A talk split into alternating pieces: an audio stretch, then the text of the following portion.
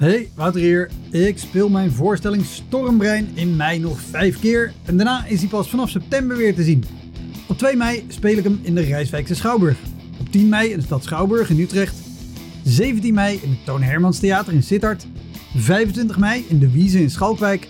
En 29 mei in het Stadstheater in Zoetermeer. Eind mei maak ik mijn nieuwe speellijst bekend, inclusief een te gekke show in de zomer. Meld je via elektropodcast.nl of woutermonde.nl aan voor mijn nieuwsbrief.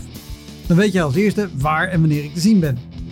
Sowieso is dat handig, want dan krijg je elke maand één mail met erin een overzicht van alle podcastgasten, de columns die ik die maand heb gedaan en alle shows die er in de maand erop gaan komen.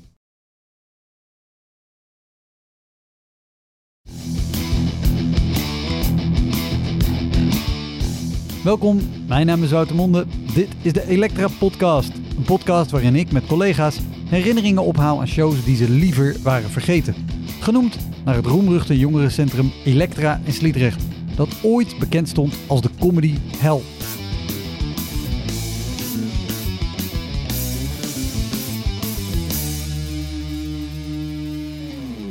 Mijn gast deze week is Wouter Monde. En ja, dat ben ik zelf.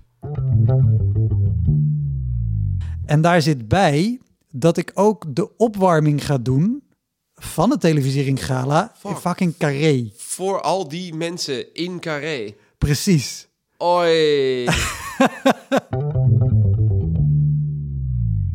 Hoewel het maken van Elektra Podcast me een hoop tijd kost, is mijn voornaamste bezigheid toch echt gewoon optreden. Ik ben comedian op shows in Nederland en Vlaanderen en ik toer ook met eigen avondvullende shows.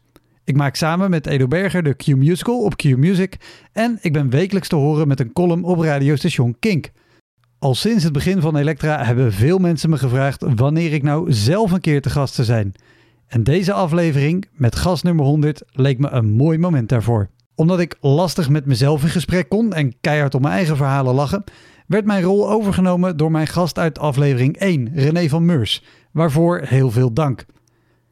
Te gast zijn in mijn eigen podcast was raar, maar ook heel erg leuk om te doen.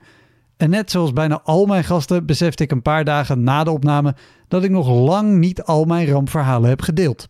Dus blijf Elektra volgen voor aflevering 200, dan vertel ik al die andere verhalen in die aflevering. Heel veel plezier. Dit is de Elektra Podcast met Wouter Monde.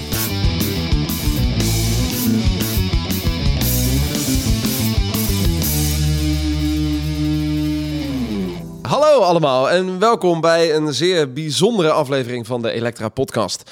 Mijn naam is René van Meurs. Ik was te gast bij editie nummer 1. Maar inmiddels hebben we daar twee nullen achteraan geplakt. En zitten we alweer op 100 afleveringen van pure wanhoop en paniek van stand-up comedians. En eh, ik vind het een grote eer dat ik eh, daarom deze aflevering mag hosten. En dat bij mij is aangeschoven niemand minder dan de bedenker en het creatieve brein achter dit drama. Het is Wouter Monde! Yay! Ik klap Hey, ook gewoon mee, omdat het anders Ja, tuurlijk moet je meeklappen. Ja. één- één applaus. Dankjewel. Het voelt, Hoe, eh, hoe is het om te gast te zijn in je eigen podcast? het voelt heel raar om gewoon te gast te zijn in mijn eigen podcast. Ik ben ook serieus de hele dag al zenuwachtig om wat nergens op slaat. Nee. Want ik zeg ook altijd tegen mijn andere gasten... Je hoeft niet zenuwachtig te zijn. Het komt, en toch is het, oh, maar weet ik wel wat ik moet vertellen? En Ja, is maar- het wel ja. grappig genoeg? En- Ja, want dat weet ik nog wel inderdaad van die eerste aflevering. Dat ik bij jou aanschoof en dat ik zei... je moet me heel even het concept uitleggen. Dat is volgens mij in de afgelopen honderd afleveringen niet veranderd. Nee, Het zijn nog steeds comedians, cabaretiers, humoristen, absurdisten... die aan jou eh, hun hart openstellen en zeggen... dit Ja, was mijn misère. En, en alles vertellen wat er mis is gegaan en waarom. En dat, dat blijft heel leuk om te doen. En ik vind het zelf vooral heel erg leuk. Ik krijg ook heel vaak de vraag eh, eh, of, of opmerkingen. Dan zeggen mensen, ja, ik vind, ik vind het een leuk concept.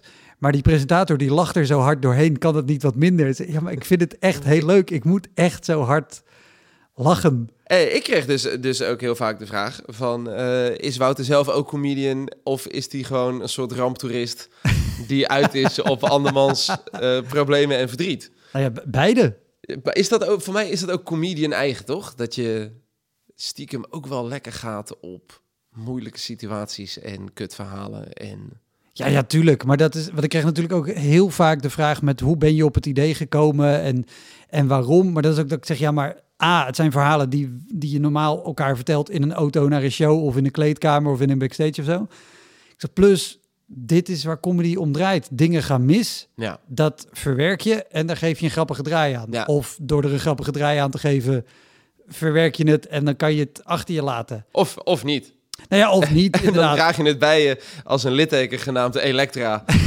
en start je een podcast. Dat is natuurlijk ook eh Ja, ja, ja, tot stand maar je, je, hebt natuurlijk ook de uitdrukking eh, eh, comedy is tragedy plus time. Ja, Nou ja, dat of voor onze Nederlandse luisteraars pijn plus tijd.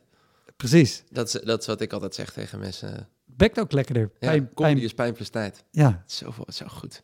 En, eh, maar dus ook, eh, ja, ik, ik vind het heel lekker, dat soort verhalen. En ik vind het heel geruststellend, eh, om, want ik, ik spreek natuurlijk mensen, zeg maar, die, die spelen op het niveau waar ik op speel. Eh, tot enorm grote namen die al eh, gewoon 30 jaar lang grote zalen uitverkopen. En die zeggen, ja, het gaat eigenlijk altijd, ja, leuk, leuk. Ja, dat kan ik ook met al 30 jaar lang grote zalen uitverkocht. Merk je, merk je eh, verschil in de verhalen?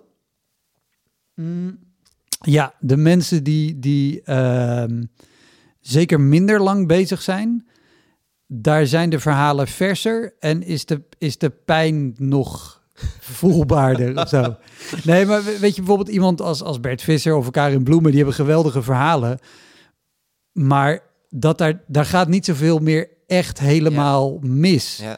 Ehm, of bijvoorbeeld ook bij jou. Jij speelt natuurlijk ook gewoon mooie theatertours.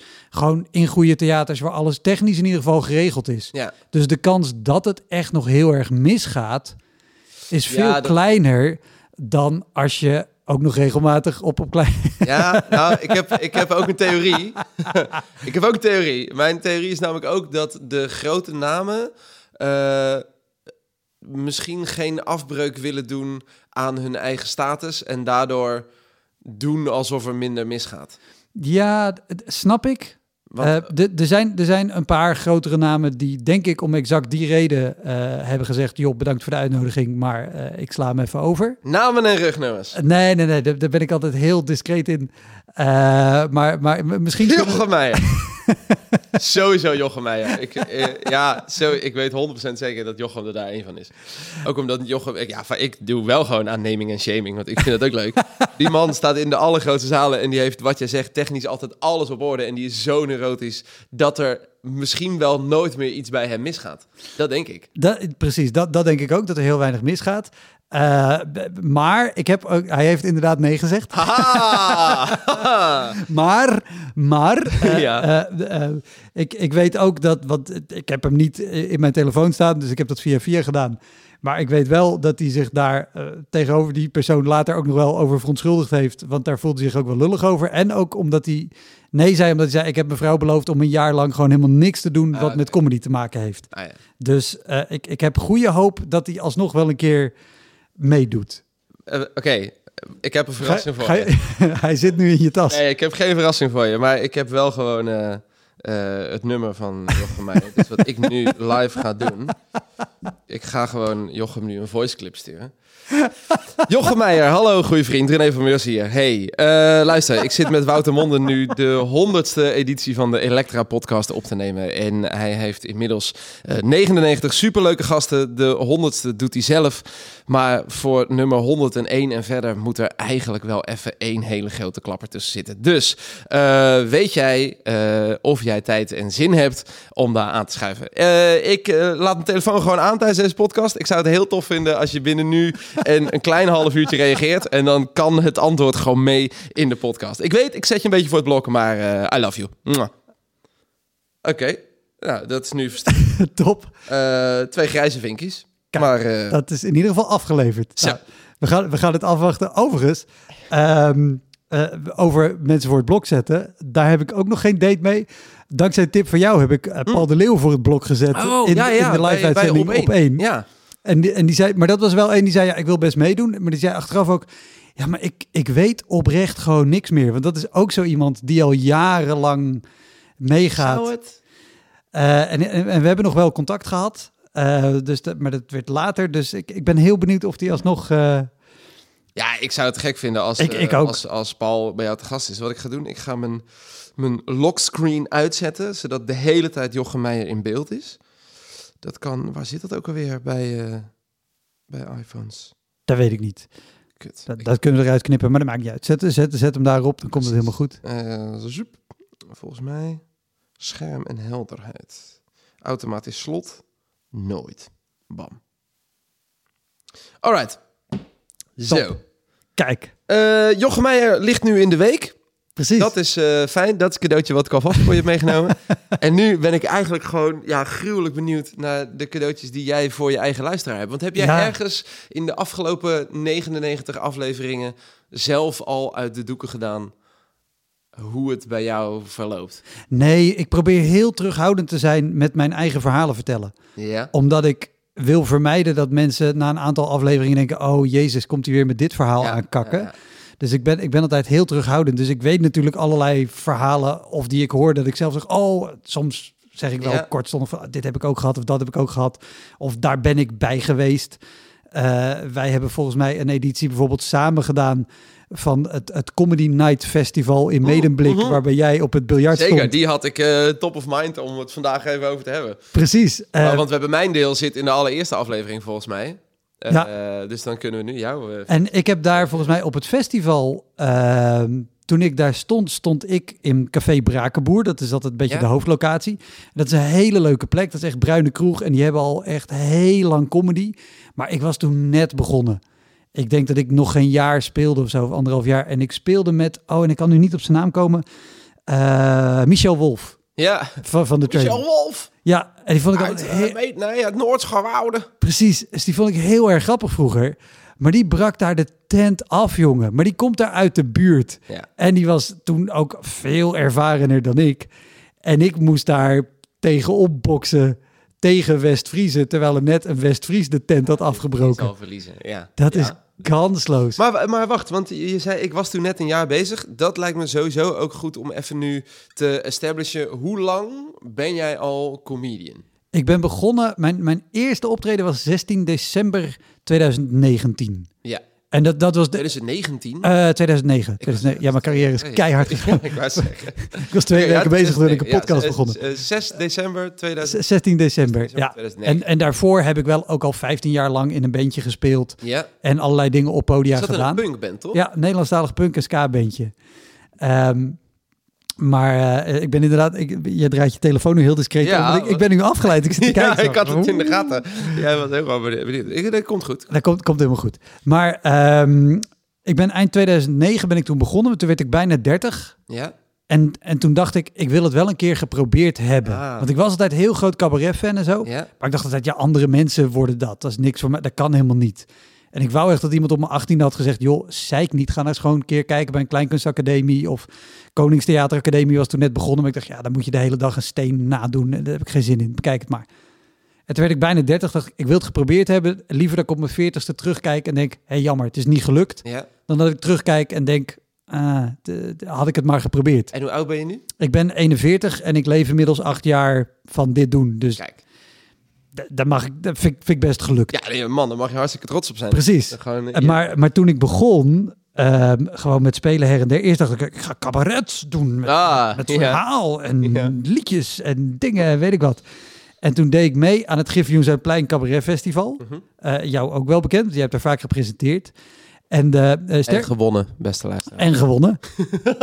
Publieksprijs, niet de juryprijs. Ja, Oké, touché. Oké. Eh, Oké, het was mijn tweede optreden. Wat Ja. wist ik nou? Maar om het, om het te relativeren, degene die de juryprijs won, eh, is eh, al vaker voorbijgekomen zonder genoemd te worden in deze podcast als organisator en MC van echt hele slechte shows. Ehm, voor de liefhebbers, Teun van de Elze heeft volgens mij een verhaal verteld over een optreden waarbij de MC verkleed was als Sinterklaas. Dat was de betreffende winnaar van dat jaar. Oh. Hè? Caroline eh, Dinges. Ja, Oh ja. Oh, kut. oh, ja, sorry.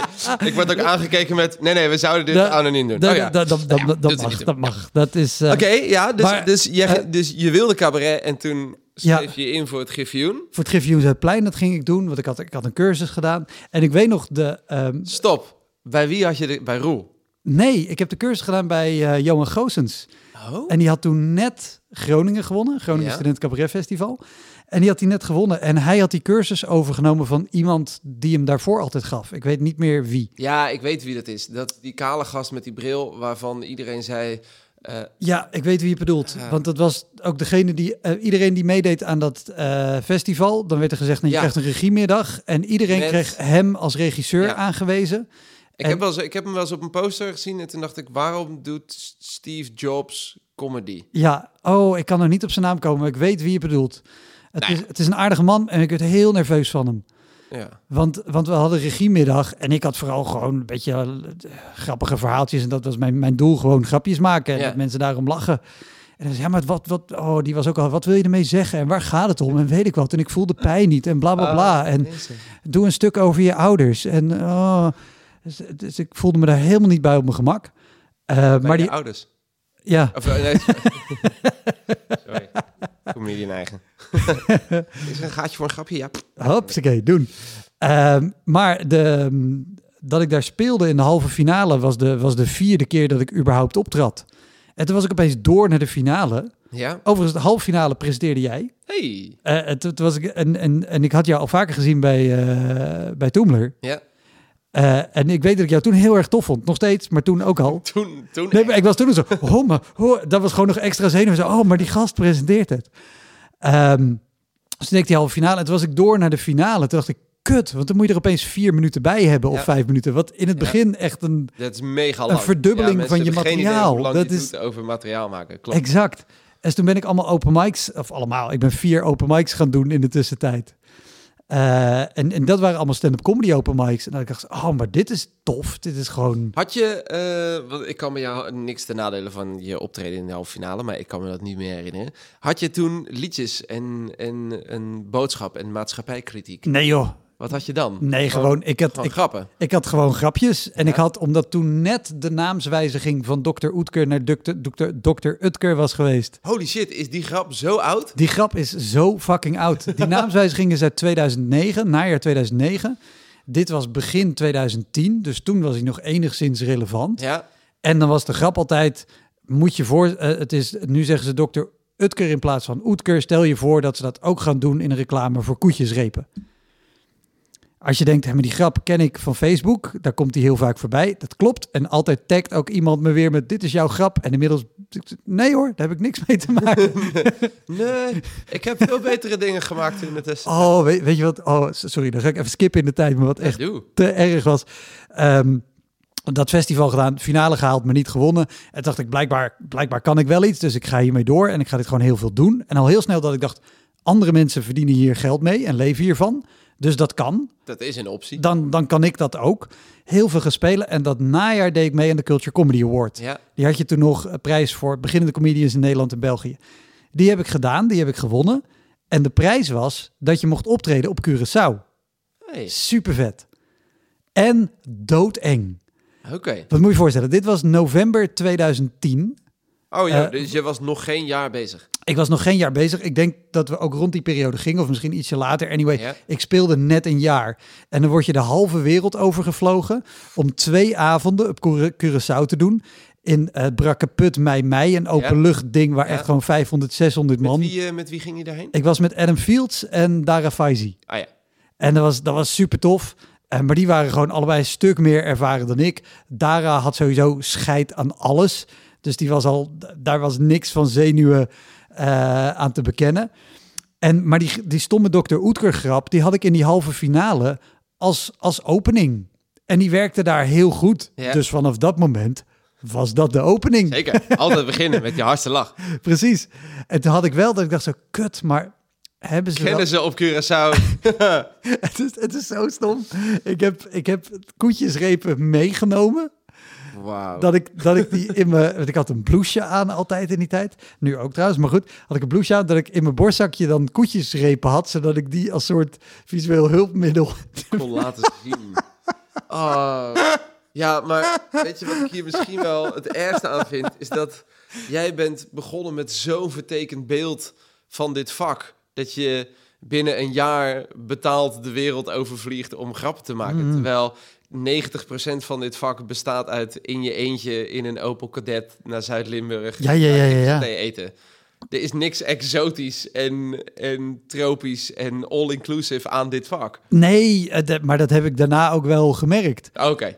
Ab- absoluut. En, en die shows waren denk ik wel leuk. Ik, ik kan me er weinig van herinneren, maar ik weet ook dat ik zo nerveus was. Want de, de druk, jongen, van gewoon over de halve wereld gevlogen worden... waar je een week in een resort zit... Ja. En, en jij moet dat verantwoorden met twee keer een half uur. Mind you, ik was dus net een jaar bezig, hè? Had je een half, half uur. uur? Natuurlijk had ik geen half uur. Als ik elke letter die ik ooit in elk document met notities had gezet bij elkaar deed, had ik een half uur. Ah, ja. Maar niet, geen goed half uur. Dat sowieso niet. En ik weet nog wel dat ik, ik had een paar, dat had ik wel zo, oké, ik moet proberen wat grapjes te maken hier over Curaçao of dingen die ik op het Ja, eiland ja, heb ja. gezien.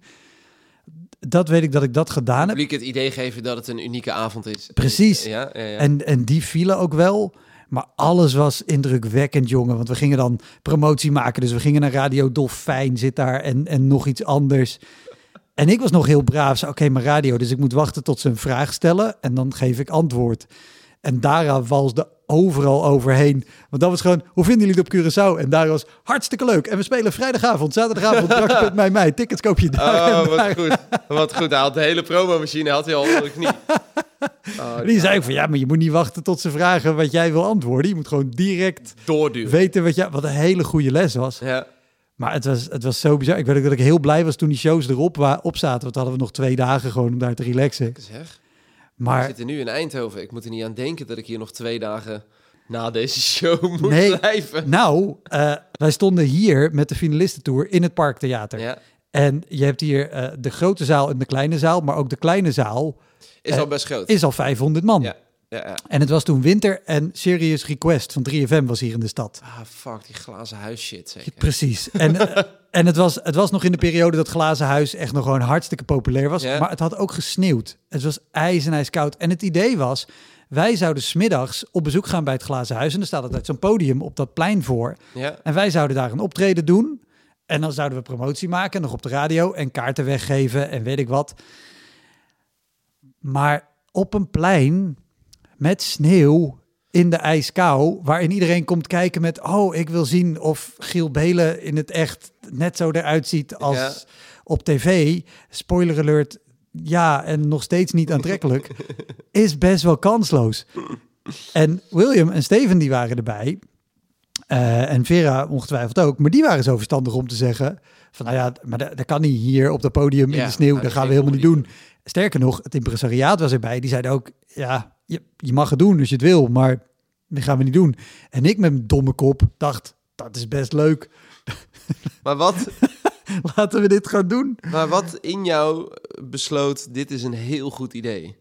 Ik weet niet of ik besloot dat het een heel goed idee was, maar het was een idee. Want er waren mensen en het was nationale radio. Dus dan, weet je, op dat moment heb je ook zo'n idee Ja. dat alles echt in één keer Ja. een grote doorbraak kan zijn. Was er, maar het is Serious Request en dan komt het misschien op de radio en dan ben ik ook in het één lullige. keer... Precies. En dat is helemaal Nee. niet het geval. En dat, de, en dat blijft echt de eerste jaren van je carrière, blijft dat het lullige van radio en tv. Dat ze zeggen, er is geen budget, maar je pakt wel exposure. Precies. Kom maar een column doen bij Q of bij, eh, noem eens wat andere Nou ja, die ik- ook niet betalen. Ik, ik, ik doe een maandelijkse column of een item bij Q, wat eh, echt heel ruim betaald wordt. Waarvoor dank Q.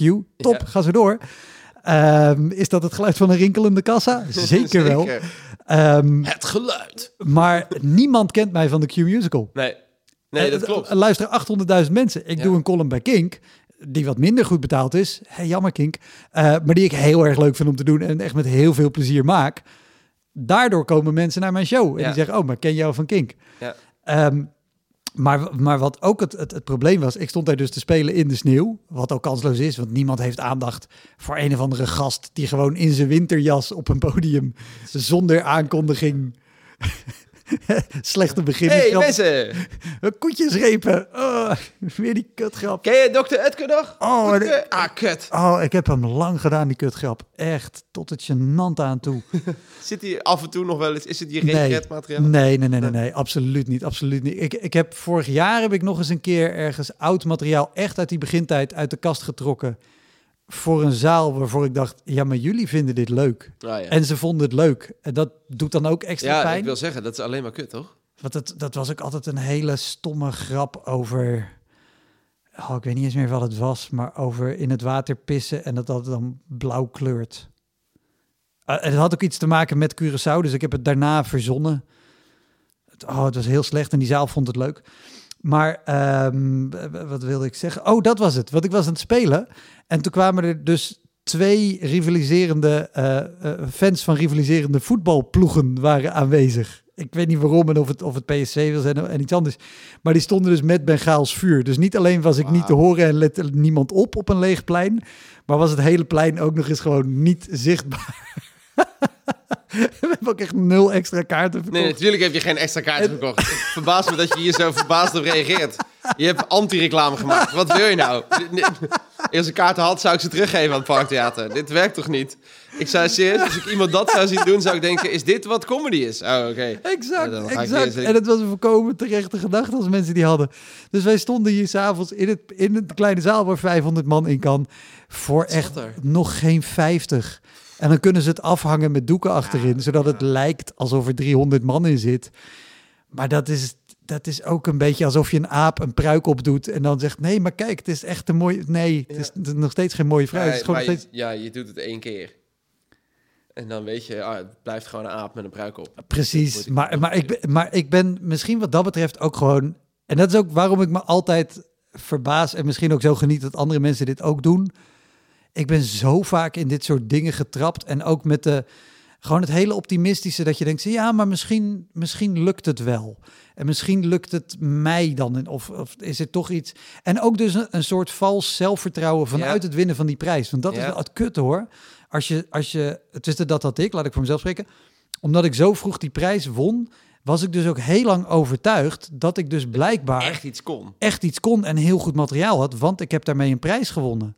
En dus ook heel bang om nieuw materiaal te gaan ontwikkelen, want mijn prijswinnende materiaal, Dat is het allerbeste wat ik heb. precies. Ja. Dus ik denk als ik die prijs niet gewonnen had, dat ik veel sneller ander materiaal was gaan ontwikkelen of Ja, daarvan af. veel betere comedian geworden.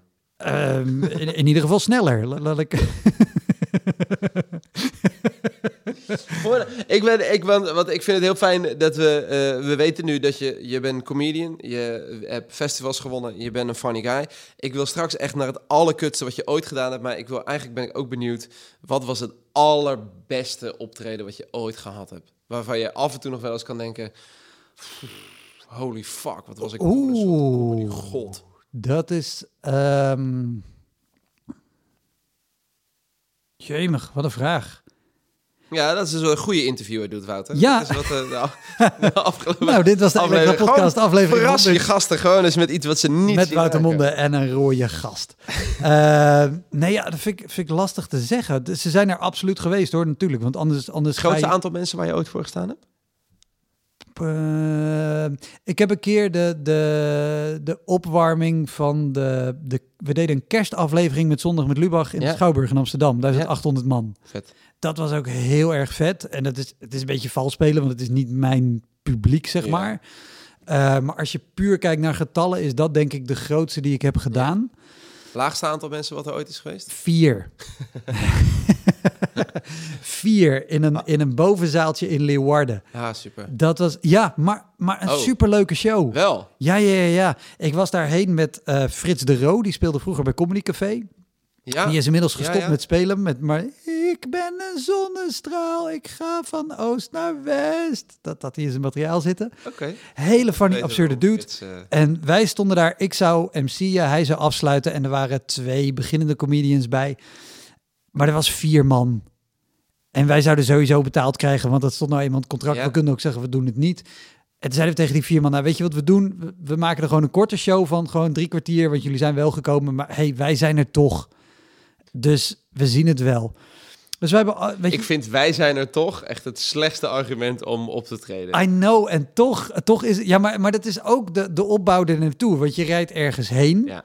en je jullie bent, met z'n vieren vanuit een plek daarheen gegaan? Of kwamen jullie allemaal apart? We- ik denk dat ik met Frits wel samen ben gereden. Ja. Die andere twee kwamen daar uit de buurt. Ja. Ehm, maar dat was, eh, ja, weet je, en je hebt toch al de opbouw van we gaan spelen en we hebben er zin in. Ja. En er zijn een paar mensen die hadden er ook wel zin in. Ik dacht, nou, we gaan het toch doen. Dus iedereen heeft tien minuutjes gedaan. En, en Frits een kwartiertje, want hè, afsluiter. Eh, en ik heb ruim ge, ge Headliner. Ja. toch headliner. Maar dat is een superleuke show geweest. Wat goed.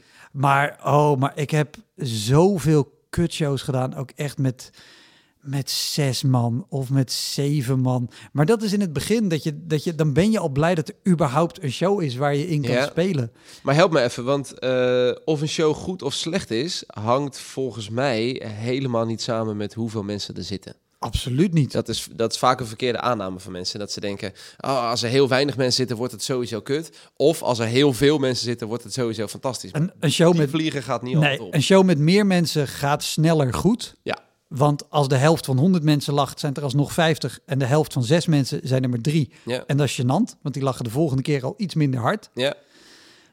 Maar ik heb ook, ook zeker wel shows gedaan met meer mensen die heel lastig waren. Eh, ik, ik durf niet te zeggen of ik shows heb gedaan met veel mensen dat ik echt kapot ben gegaan.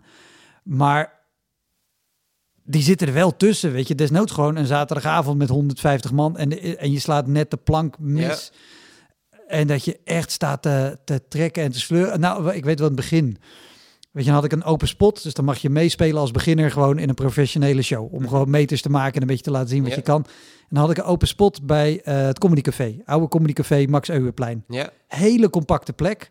En dan zat er 110 man, 120 man. Allemaal dicht op elkaar. En het is zaterdagavond. Maar de, de- zeker Comedy, eh, Comedy Café Max Euwerplein. De sfeer was daar best wel SBS 6. Zeg maar. Toch? Ik weet het niet. Ik ben er nooit geweest. Oké, denk je, je bent er vast ook wel eens, eh, gewoon binnen geweest. Maar weet je, maar, maar dat, dat was best wel de sfeer die er was. En gewoon lekker makkelijke grappen en weet ik wat. Ja. En dan kom jij aan met je, met je beginners acht minuten. Super zenuwachtig. Want je mag, en misschien als het goed gaat, mag je Ja. misschien in de... Waarschijnlijk ook aangekondigd als open spot. Eh, deze jongen doet het nog niet zo heel lang. Precies. Wat- Eh, En, en wel gewoon met, met een goede setting, weet je wel. Met, met, niet, het is een beginner, maar wel dat mensen weten, oké, dit is... Ja, hij is Oh. nieuw.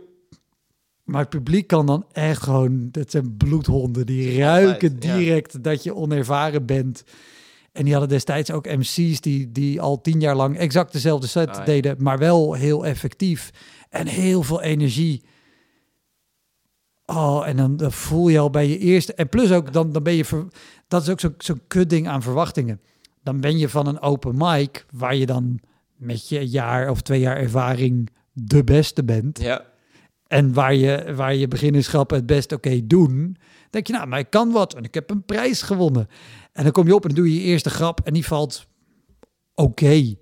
Maar niet zo hard als dat je de laatste grap bij de ervaren comedian voor je hebt horen vallen. Ja, Wat een compleet vertekend beeld ja natuurlijk. dat is zijn beste materiaal al jaren aangewerkt. Al jaren aan Plus gewerkt. En aan het einde van zijn set. En Ja. weet ik wat. Dus dan doe je die. En dan is de eerste grap zo. Oh, kut. Ja. En dan of de fout maken en denken ze, oh, maar iedereen is lekker op het publiek aan het inhakken. Dat kan ik ook wel. Ik heb ooit een show gehad, dat was verschrikkelijk. Ik zie nog helemaal voor me. Het was een heel klein podiumpje, echt één bij anderhalf. En iedereen zat daar echt ver omheen. En links van het podiumpje, dus je stond met je rug tegen de muur. Links van het podium zat er een groep met brandweermannen. ja, En brandweermannen zijn best wel mannen. zeker. En die gingen op zaterdagavond met elkaar stappen. Dus die hadden al flink dronken. Oh, jezus. En Ja? die zaten er bij iedereen doorheen te tetteren. En ik was dus zo dom om op alles wat zij zeiden te gaan reageren. Ik heb geen idee meer wat ik zei, maar dat, dat win je nooit. Hey. eh, Nou, ja, ja, met een beetje ervaring wel. Tuurlijk. Ja, In- in- inmiddels zou ik denken, oké, prima, ja, kom eh, erop, Let's brandweerman. go. Ik heb ja. een microfoon, jij hoog uit de slang. Ik kan dit. Ja, precies. Leuk. En weet je ook al van tevoren, bedenk je al dingen die je kan... Ja, Kan zeker. zeggen. Je gaat al geladen het podium op. Ja. Precies, maar toen, oh, dat ging maar mis. Wat en gebeurde er?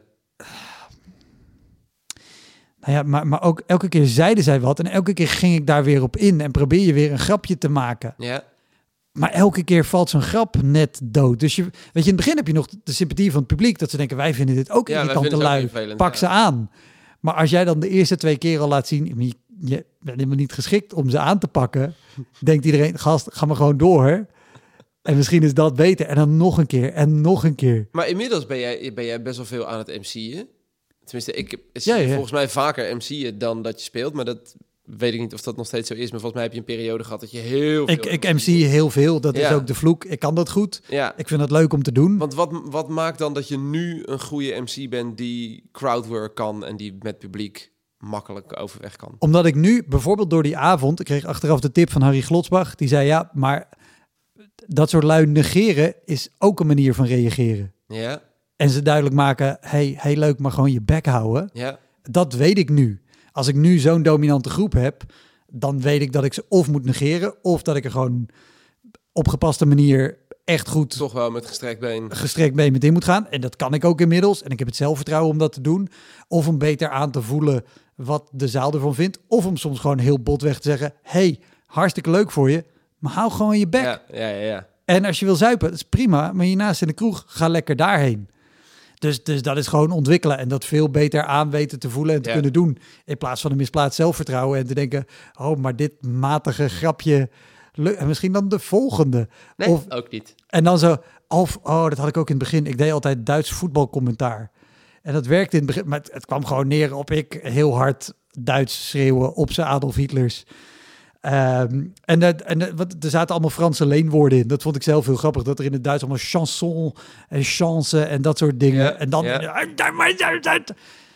Maar dat was heel lang was dat ook echt zo de, de veiligheidsboei. Ja, En dat was allemaal aan het einde heb ik nog dat kan ding. ik altijd nog dit doen. Maar dan ga je er ook in met die verwachting. Want dan denk je, ik gooi dat ding erin en aan het eind komt applaus. Ja, En dan sta je zo twee minuten te schreeuwen en dan zo... eh, nee, niks. oké. Bedankt. Doei. Oi, oi, oi. Oh, dat was Weg op niks. Ook Precies. omdat iedereen weet, oh, maar dit was zijn beste grap. precies. Iedereen kijkt er naar je met, hij heeft dit bewaard tot het einde. Daar zal wel een reden voor zijn. Ja, ja, maar- ja, ja. Maar het stomme was, in het begin had ik, had ik niet door dat het publiek dat natuurlijk ook voelt. Ja. Of dat je soms dan beter kan zeggen, hey, Eh, ik- Dit was hem niet. dit was hem niet, ik ga er vandoor. Ja. Wat ik overigens nog nooit heb gedaan. Volgens mij ben ik nog nooit echt bewust halverwege al weggegaan. En heb je ook nog nooit gehad dat je zo halverwege je set voelde... Kut, dit is niet mijn avond, maar ik ga deze gifbeker helemaal leeg drinken. Oh, ik En heb het ga bij... niet nu schakelen of ik ga niet nu improviseren met publiek. Ik had het plan bedacht om dit verhaal over afwasborstels te vertellen. Ik ga dit hele fucking verhaal vertellen. Ik heb het met avondvullende try-outs gehad. Hoe Oh. gaat dat? Hoe, ga, hoe gaat de avondvullend toeren je af? Eh, ik, ik vind het heel erg leuk. Ja, Eh, want het, eh, het is iets waar ik eigenlijk pas sinds een jaar of vier, denk ik, echt mee bezig ben. ja, want daarvoor speelde ik gewoon, of als ik MC, of doe je een set. Nou, weet je, speel je een kwartiertje of twintig minuten of zo.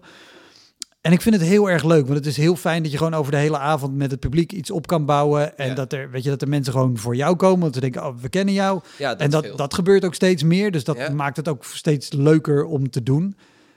Maar daar heb ik ook wel de avonden gehad dat er gewoon mensen komen en denken, oh, nou ja, er is hier, Er stond cabaret op de poster. er stond cabaret, dus we gaan maar Dus kijken het zal wel goed zijn. wat, ja. wat het is.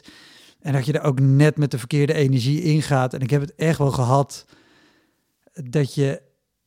Nou ja, nee, ik, laat, laat ik één heel raar voorbeeld daarvan geven. Ik Ja, heb het graag. gehad in Friesland. Daar kwam ik aan eh, in Sneek, Snits voor de kennis.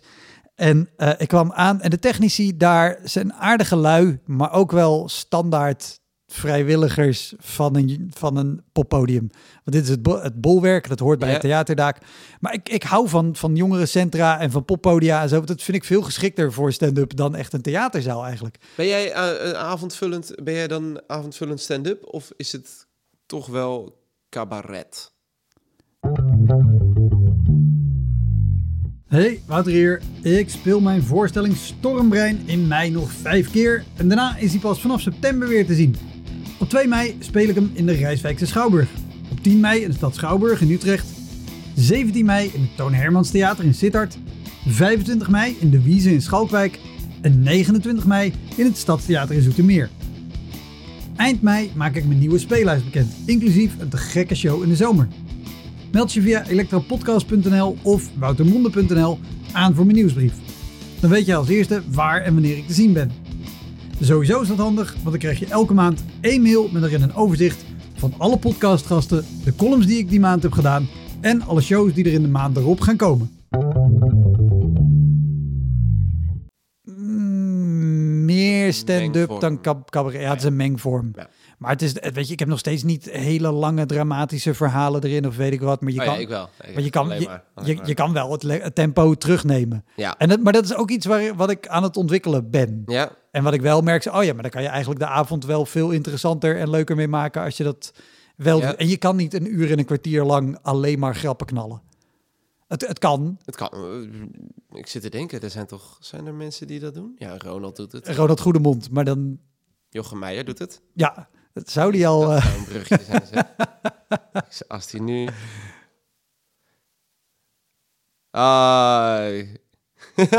ah ja, oh, wat grappig. Oké. ik, ik, ik hoef nog geen treinticket naar Leiden in te plannen, hoor ik. Nee, nee, nee. Eh, eh, met zeer veel plezier luisteren naar de podcast. Maar ik doe op dit moment gewoon echt even niks. Excuus. En doe de groeten aan Wouter. En kijk, de echte reden is dat ik gewoon heel weinig slechte shows heb gehad. Dus ik heb gewoon te weinig vertellen voor een uur. Tussen heb en te moet ik staan. Stop de tijd, geen jokers. Sowieso een slechte grap. Niemand heeft meer slechte shows gehad dan ik. Eh. Oké. Oké, ja. Dus, maar er zijn mensen die het doen. Maar over het Ja. algemeen is, het, is het ook gewoon als, als publiek in de zaal fijner als er gewoon wat variatie in Ja. zit. Plus ook het gevaar natuurlijk van een uur en een kwartier grappen willen doen. Is dat het op een gegeven moment ook wel gaat trekken. Of dat mensen denken, oké, ja, maar nu Ja. weer een, een... ja, we grappig. kennen het melodietje. Nu zijn we op zoek naar iets anders. Precies, Ja. precies. Eh, al moet ik zeggen dat, dat, dat mijn, mijn eerste voorstelling zomaar was op zich best wel gewoon een uur en een kwartier heel veel grappen pompen. En aan het einde een enorme reeks callbacks. Dus dat je terugpakt op grappen die je eerder Ja. hebt gemaakt. Wat ik heel leuk vond om te doen. Want dan maak je halverwege ergens een grap dat mensen denken, oké, hm. le- leuk, maar waar gaat dit over? En aan het einde tik je al die domino-steentjes om.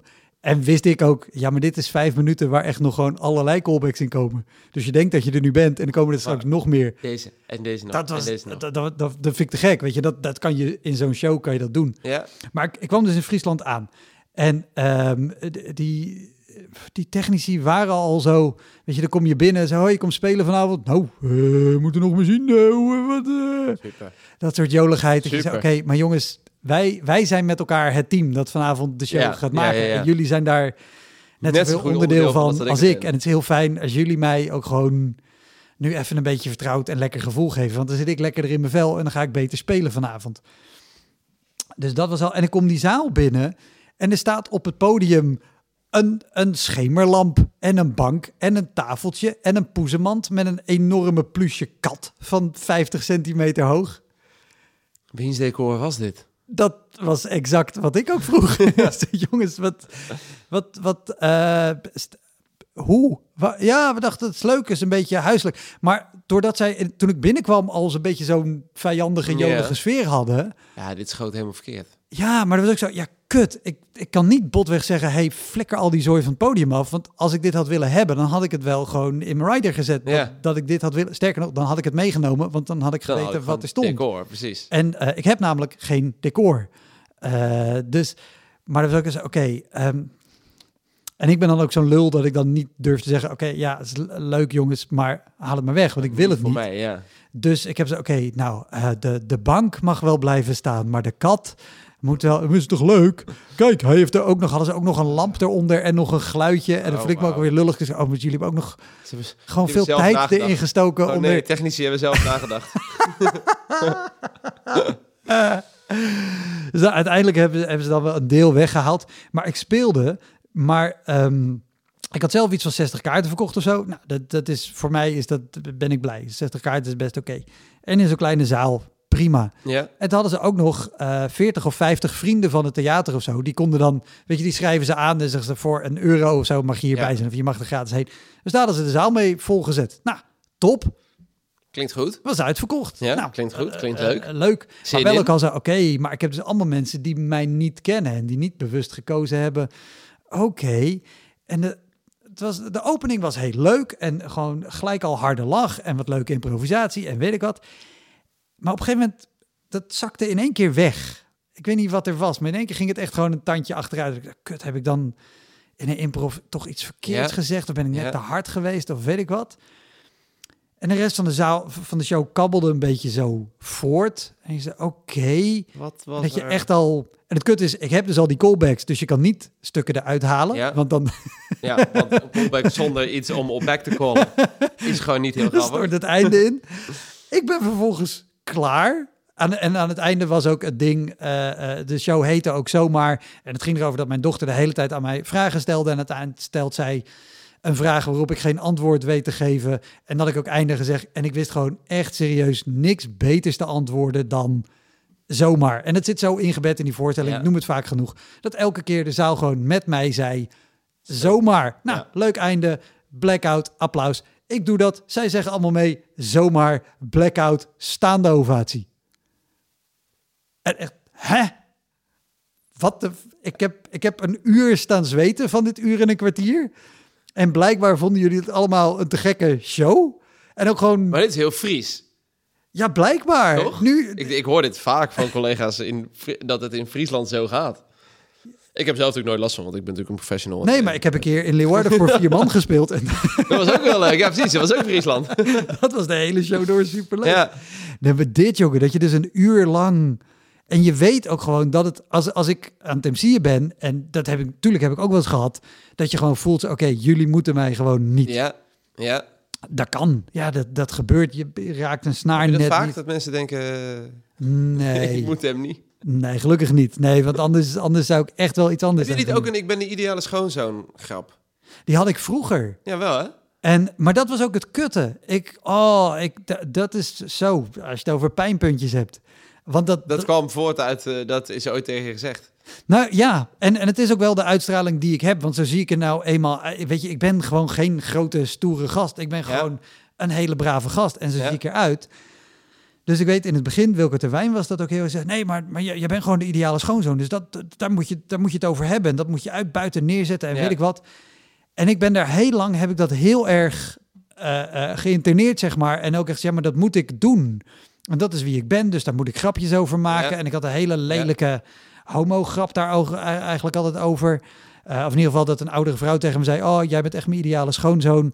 Super lief, maar ook ongemakkelijk dat ze, dat ze het zei... toen ze me voorstelde aan haar zoon. Ja, En oh, ook inmiddels ook zo'n grap. dat Ik zo, oh, de klassieke verkeerde Jezus. beenconstructie. ik hier. Jezus, ook zo lang gedaan die kutgrap. maar heel lang heb ik dus ook gedacht... ja, maar dat is ook het beeld wat ik heb... en wat Ja. ik dus... daar moet mijn materiaal bij passen...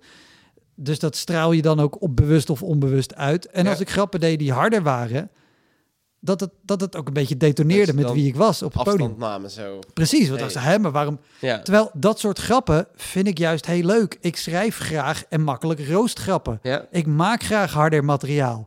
Maar dat heb ik heel lang niet gedurfd. En het heeft echt tot, tot 2018, volgens mij 19, dat ik op een gegeven moment klaar was met elke keer naar de kapper moeten en gewoon mijn kop ben gaan millimeteren en een baardje liet staan en er dus opeens naar eruit zag. Ziek. Eh, ziek ook. ik, was ook. ik was ook marathons gelopen, dus ik zag er uitgemergeld uit zonder haar. Eh, nee, maar je hebt, je hebt opeens een hele andere uitstraling. En toen, en toen had ik ook een paar grappen waarvan ik dacht, fuck it, maar dit vind ik gewoon een leuke grap. En ik ga hem nou ook gewoon maken zonder gas terug te houden. ja, En ik was, oh, maar dat kan ook. dan kan het gewoon. Dan ja, kan het. dat- En toen paste is- het veel meer bij wie ik was en wat ik uitstraalde. Maar dat is dus ook iets wat heel lang heeft geduurd. Onder andere door het winnen van die prijs. Ja, Omdat ik heel lang dus heb gedacht, ik moet in een bepaald eh, stramien blijven zitten. Of een bepaald soort materiaal. Of dit soort grappen die ik verzin, die passen daar niet bij. ja. Dus dat heeft heel lang geduurd voordat ik daarvan af durfde stappen. Ben je nu helemaal vrij van vooroordelen en... Nee, maar wel steeds vrijer. En ik Ja. heb bijvoorbeeld die column die ik doe op eh, Kink, radiostation. Die doe ik nu een half jaar. Mhm. En daar schrijf ik echt heel erg puur vanuit wie ik ben en wat ik Ja. vind. En, en zonder na te denken met... En, en af en toe ook wel dat ik denk, oké, nou ja... Als dit de column is die het einde is van deze klus... so be it. Maar dit, Oh is, ja, oh fijn. dit, dit is wat ik erover wil zeggen. En fuck it, dan explodeert de inbox maar met Ja, boze trekkertjes en Luxemburgse vlaggen. ja.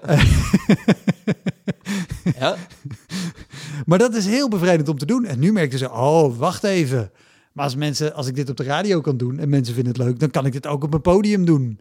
En, en, dit- en werkt het op het podium ook? steeds beter. Want het, Oh ja. want het is echt wel een groeiproces waar, ik- waar ik nu in zit. En dat is ook wel natuurlijk het klassieke vinden van je stem. En dus echt zijn wie je bent op het Ja. podium. En echt doen wat je vindt op het podium. Ja, Maar dat heeft me dus elf jaar gekost. En ik denk dat door het winnen van die prijs, dat heeft me heel veel speelplekken opgeleverd. En, en dus ook wel geld. Want ik kwam sneller in de betaalde opdrachten. Ja. En dan hebben we het over de, echt de absolute onderkant van de markt.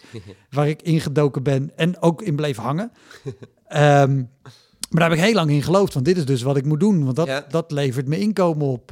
En nu heb ik gewoon mijn inkomen en het vertrouwen om te denken, ja, fuck it, maar dit, dit ga ik doen. En En heb je, heb je nu nog wel eens optredens waarvan je van tevoren dacht... Oh, dit moet ik zeker niet doen. Waar je dan toch ja tegen zegt en dat je tijdens de optreden denkt... Ja, ik had echt nee moeten zeggen. Het komt af en toe voor, maar dan is het omdat ik het echt niet aan had zien komen. Ja, Want als ik het nu aan zie komen, dan doe je het ook dan niet. doe ik ze niet meer. En Je dat is ook niet meer om te halen... eh, doordat iemand zegt... Oh nee, maar het wordt echt hartstikke leuk en dit en dit. En nee, als, als ik me om laat halen, dan is het door mensen die ik over vertrouw. halen, volgens mij. Eh, Omhalen oh, is echt, ja, eh, eh, dus ja. als ik me om laat praten of me over laat ja, halen, dat is het. Ja, dan is het door mensen die ik vertrouw. En Ah, dat ja. ik weet, ik bijvoorbeeld buiten optredens ben ik heel terughoudend mee. ja, Eh, maar ik heb bijvoorbeeld een keer gehad met, eh, met Ronald Smink. ja, zeker. Maar ik weet dat Ronald super bovenop de details zit. En Ja. echt eist dat het goed geregeld is. Dus als Ronald belt en zegt het is een buitenshow... dan zeg ik zonder na te denken Ah, ja. Want ik weet dat hij de opdracht niet aanneemt... Ja, als hij niet 100% zeker is dat het goed Ja. gaat zijn. Terwijl in andere gevallen... oké, het is een buitenoptreden. Oké, daar kan een hoop mis. daar kan heel veel misgaan. Dat ga ik niet doen. Ja, En zeker voor dit bedrag, dat geld heb ik niet nodig. ja, Want dankjewel Q en dankjewel Kink en gewoon Ja. eh, steady, eh, steady eh, lijn van optredens. Ik hoef dit niet. ja. En ik, ik weet ook bijvoorbeeld de allereerste show waar ik nee tegen heb gezegd, omdat ik geen, ge- het geld niet nodig had, eh, is wel een klassieker. Dat was voor de legendarische Hans Kotman. Ja, oh, zeker. Vaker voorbij gekomen in deze podcast. Ehm, maar die belde mij ooit en die zei, eh, wil je dan en dan spelen eh, om tien uur s'avonds of om half elf in café Huppel de Pub op de JP Koenenstraat, JP Heijenstraat in Amsterdam. Ik kende die kroeg, want ik organiseerde zelf een open mic de zalige zondag in een kroeg daar vlak in de buurt. Ja, Ik zei, ehm, oké, maar om half elf s'avonds, wat een rare tijd. En ik, ik kende die kroeg ook wel. Dat was echt een beetje zo'n zo'n volkskroeg, dat je al denkt, ja, maar waarom zou ik daar überhaupt heen willen? En zei, ja, nee, maar dat wordt leuk. Als voetbal is net afgelopen. Exact dat. Echt? En ik zei, want, want, ik zeg, welke datum was het ook weer, zei je? Zei dan en dan. Ik zeg, maar, en ik, ik weet echt geen flikker van voetbal. Maar ik zeg, maar, is, is dan niet Champions League Oh, finale? shit. Hij zei, ja, ja, ja, dat is Oh, Champions League finale. Want dan doen we, doen we de show, doen we daarna. Ja, top. En zeg ik, ja, maar dat is toch, dat is, hè? Maar, maar dat, nee, maar dat wordt hartstikke leuk. En toen had ik gelukkig de tegenwoordigheid van geest. Ik durfde natuurlijk niet direct nee te zeggen, want eh, weet je, in de basis wel een aardige jongen die confrontaties uit de Ja. weg gaat. Dus toen zei ik, ik ga thuis in mijn agenda kijken of ik, of ik kan. En toen heb ik gezegd, nee, ik, ik kan niet.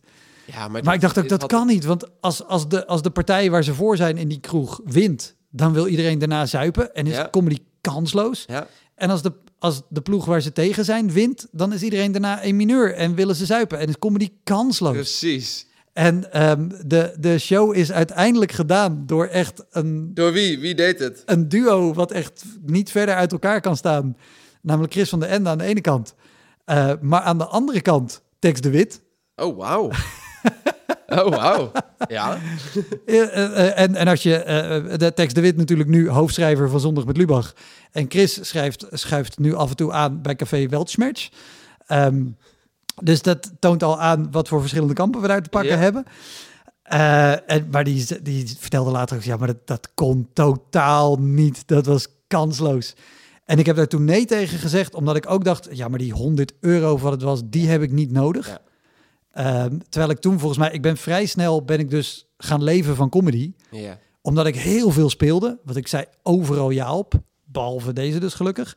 Maar ik had ook nog een part-time baantje erbij. Mhm. En ik had toen net een kind gekregen. Ja, dus je moest zo. Eh, en, en mijn dochter is geboren in augustus. Jij wilde gewoon weg. Van En toen was ze, ja, maar ik heb, het, ik heb nu gewoon fulltime comedy, een fulltime of een parttime baan en een fulltime kind. Eén van deze drie moet afvallen. Ja. En comedy en mijn kind gaan niet afvallen. Dus dan moet het werk afblijven.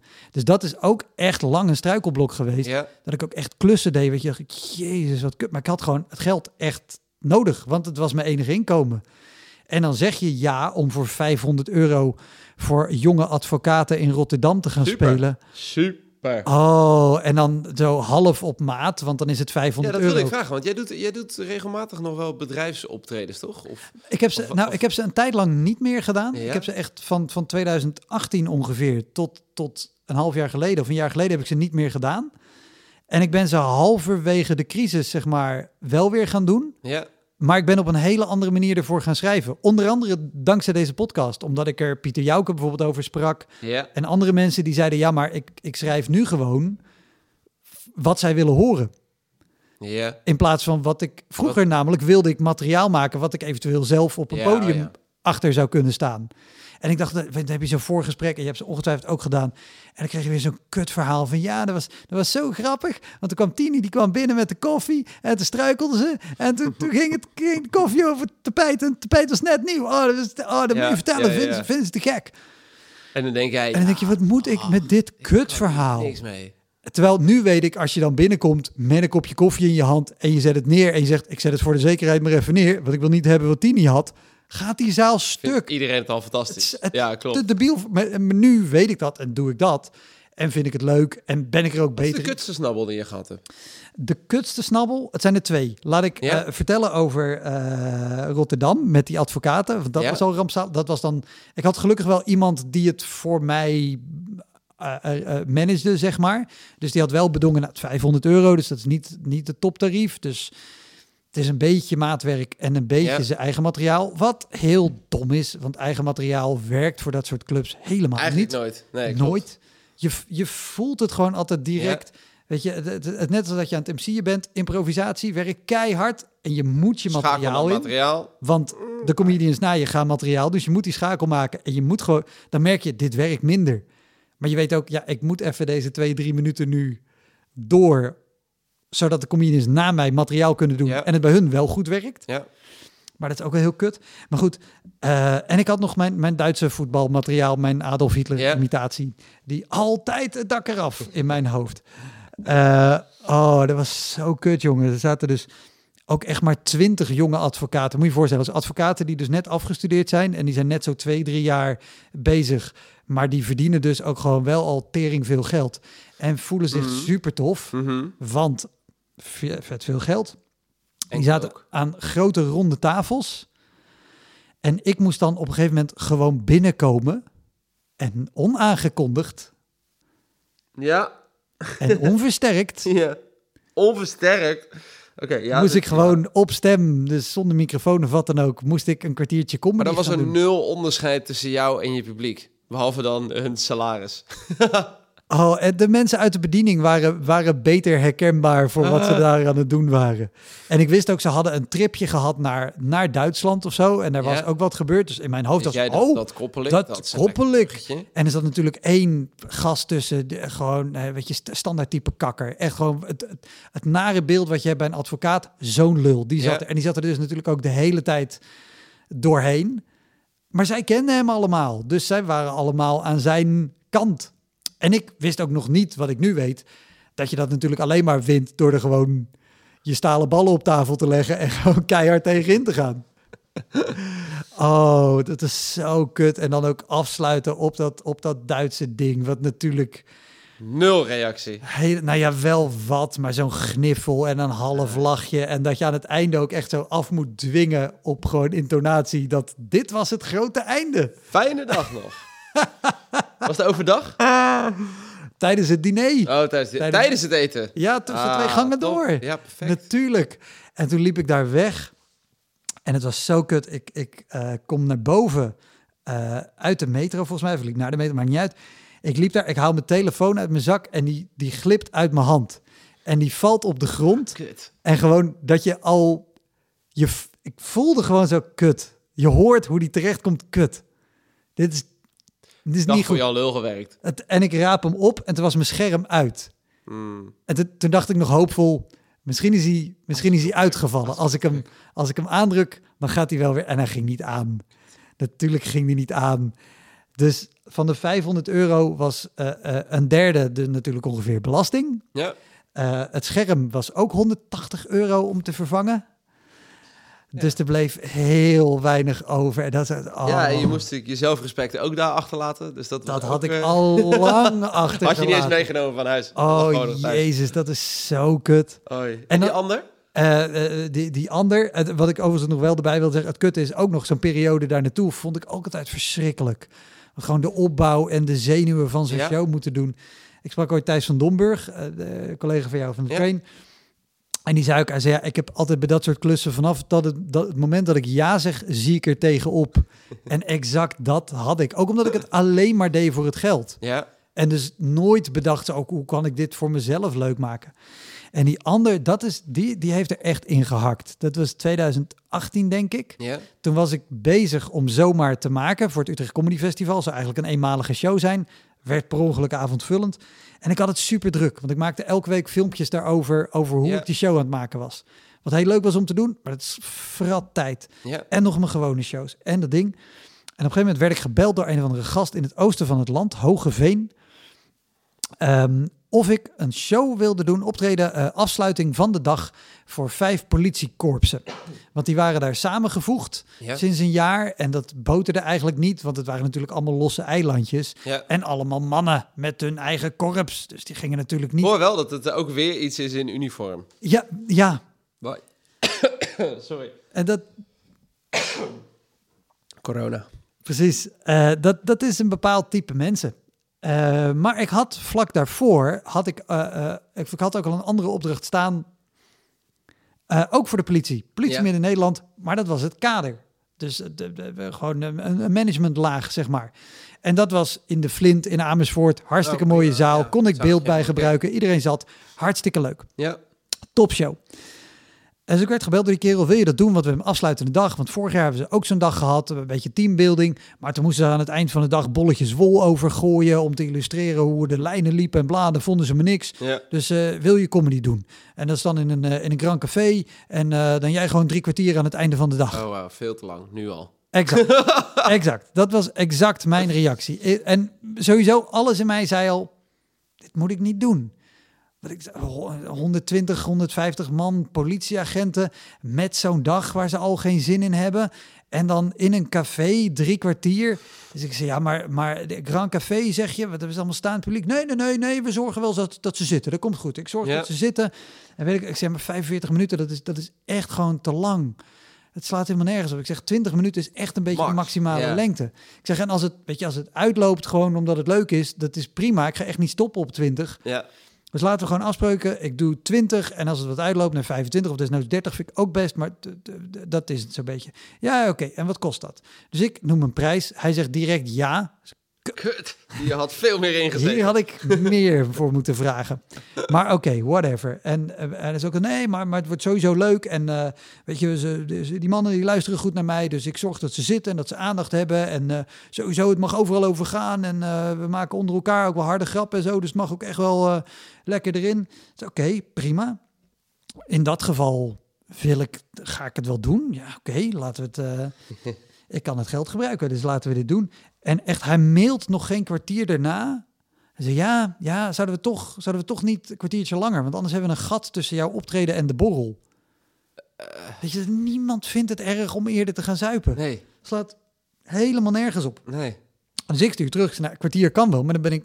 Het kost me echt nog wel gewoon ook extra tijd om te schrijven. Ja, om want het is, maken, ja. je vraagt nu bijna om het dubbele te doen van Ja. wat ik zou doen. Dus dan komt daar ook nog gewoon de helft van de prijs bij. Ik denk, nou, dan gaat hij wel zeggen, Laat maar dan. dat steken we wel gewoon budget voor de bar. Dat is veel slimmer. Nee hoor. Oh, oké. Dat is goed. Godverdomme. Weer, weer te laag ingezet. Weer te laag ingezet. Dus ik daarheen voor een voorgesprek. Nou, en ik zat met drie mensen te praten, want ik wil altijd meerdere mensen spreken. Dat niet één iemand zegt, oh, maar Tini met de koffie Ja, was hilarisch. En dat de rest denkt, wie de fuck is Tini? Tini überhaupt. Dus ik heb dus ik twee uur naar Hogeveen gereden. Ik heb tweeënhalf uur met die lui zitten praten. Met drie man. Dus echt gewoon pagina na pagina aan informatie en weet ik wat. En ook leuke dingen. En, en ik, ik had ook echt onwijs respect. Want die, die politie doet echt gewoon heftig werk voor een kutloon. Mm. Met kutdiensten. Dus ik had echt zo, nou leuk man, hier gaan we wat van maken. Tof. En ook die verhalen die ze hadden. Weet je, ze- weet je hadden ze weer mensen die zichzelf verhangen hadden. En nog gewoon in een latex pak met nog gewoon Ja, Een- dit is... eh, een buttplug in hun reet. En weet ik wel. En dan was ik, Dit is nee, nee, nee, maar dat weet iedereen en dat kan Iedereen je gebruiken. leuk. En, Iedereen vindt dit lachen. en, en ook wel zo, ja, maar, maar dit is ook materiaal. Weet je, dit soort verhalen, ja, normaal, daar kunnen we eigenlijk met niemand over praten. Dus de, gebruik dat juist, want Ja. dat haalt een beetje de angel eruit en zo. Dus oké, top. Nou, dus ik dat allemaal opgenomen, weer twee uur naar huis gereden. En, eh, maar goed, weet je, dat laat ik altijd even rusten. Ik doe die Ja. voorgesprek altijd ruim van tevoren, dat het echt gewoon in mijn hoofd een beetje kan gaan. Ondertussen kreeg ik nog een mailtje. Ja, de datum is veranderd. Kan je dan ook? Oh ja, dan kan ik ook wel. Maakt niet uit. Prima, Ja. ergens op een donderdagmiddag. Oké, whatever. Dus dat gaat zo. En het is, oh, die kick komt eraan. En op een gegeven moment krijg ik een appje van die gast. En die zegt, de spreker voor jou begint een half uurtje eerder. Is dat oké? Ik zei, oh, dat is prima joh. Ik ben er ruim op tijd, want ik wil gewoon zien wat er allemaal gebeurt. Misschien kan ik daar Ja. ter plekke nog dingen. Dat werkt het beste. En toen zei hij, oké, dat is mooi. Bel maar als je er bent, dan haal ik je op bij de ingang. En toen dacht ik, Hm. dit is een raar appje voor een evenement wat over twee weken is. En toen dacht ik, kut. Waar, waar was dit? Hij heeft geappt of gemaild over een wijziging in de datum. Dus ik terugzoeken in mijn mail. En de datum was dus niet eh, verder in de tijd gegaan, maar was naar Oh, voren gehaald. eerder. En het was dus die middag Ah. in fucking Hogeveen, twee uur rijden. Ah, Dus ik bel hem op. had je... eh, ja, oké, ja. Ik bel hem op. Ik zeg, dit is heel stom en echt heel slordig.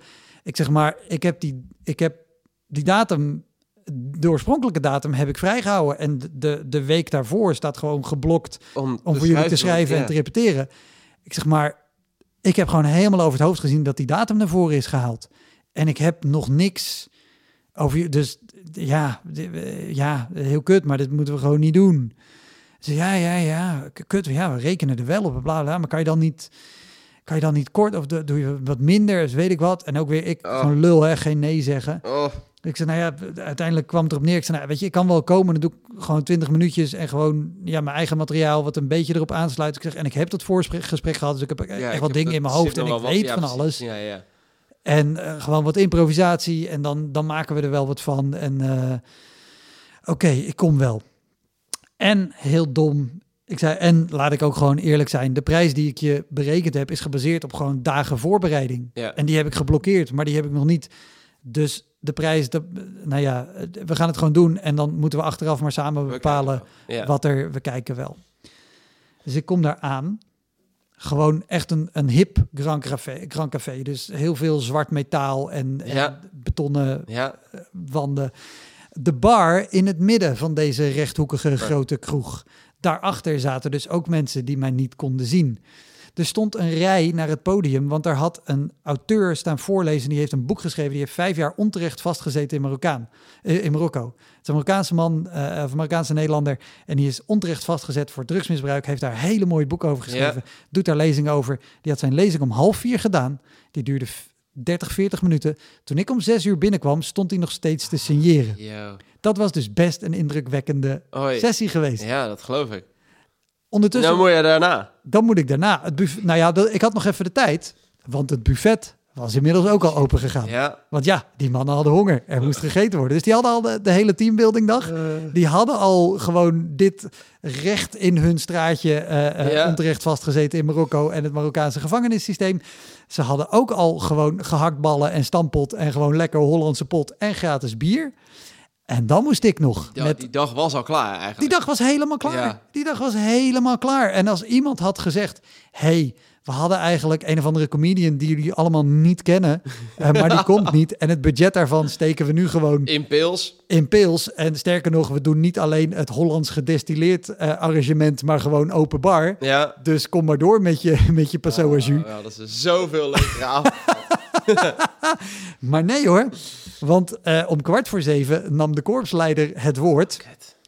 Ehm, en veel meer dan dat gebeurde er ook niet. Want ook de leider van deze best hiërarchisch ingestelde organisatie kreeg het niet stil.